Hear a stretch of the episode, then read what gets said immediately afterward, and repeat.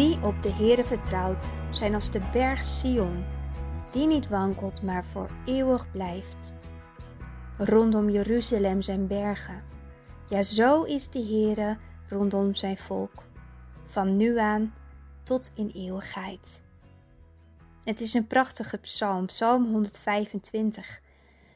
En dit pelgrimslied begint met een belijdenis en gevolgd door een belofte. Wie de ligging van de stad Jeruzalem kent, kan deze openingsversen goed begrijpen. Gods stad is gebouwd op heuvels en wordt omringd door bergen. En als je door de straatjes van Jeruzalem loopt, is het een kwestie van opklimmen en ook van afdalen. In de stad bevindt zich bijvoorbeeld de Tempelberg, ook wel de berg Moria genoemd. Om de stad heen liggen allerlei bergen. En de Olijfberg is de bekendste daarvan.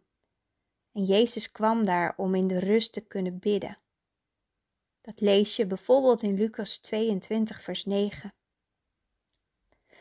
Broers, zussen, bergen zeggen in de Bijbel iets over God en over mensen. God ontmoet mensen vaak op een berg. En mensen worden door bergen vaak op God gewezen.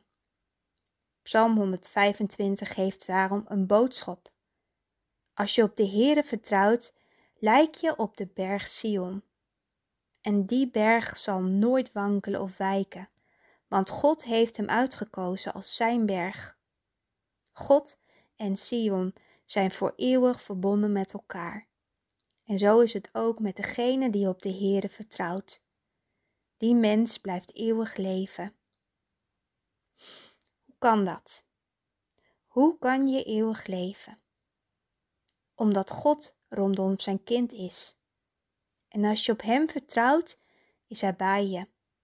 Hij omringt je van alle kanten. Mooi is het, hè? Denk dat eens in dat God voor je is. Dat Hij rechts en links van je is. Boven je en onder je. Door Zijn Heilige Geest, broers en zussen, woont Hij in je en is Hij overal om je heen. Met Zijn zorg en bescherming is Hij waar jij bent. Het is te wonderlijk om het te begrijpen. En toch is het waar. De Heere was en is rondom zijn volk Israël. De Vader was en is rondom jou. En daarom, broers en zussen, kun je vandaag en morgen met goede moed je weg vervolgen.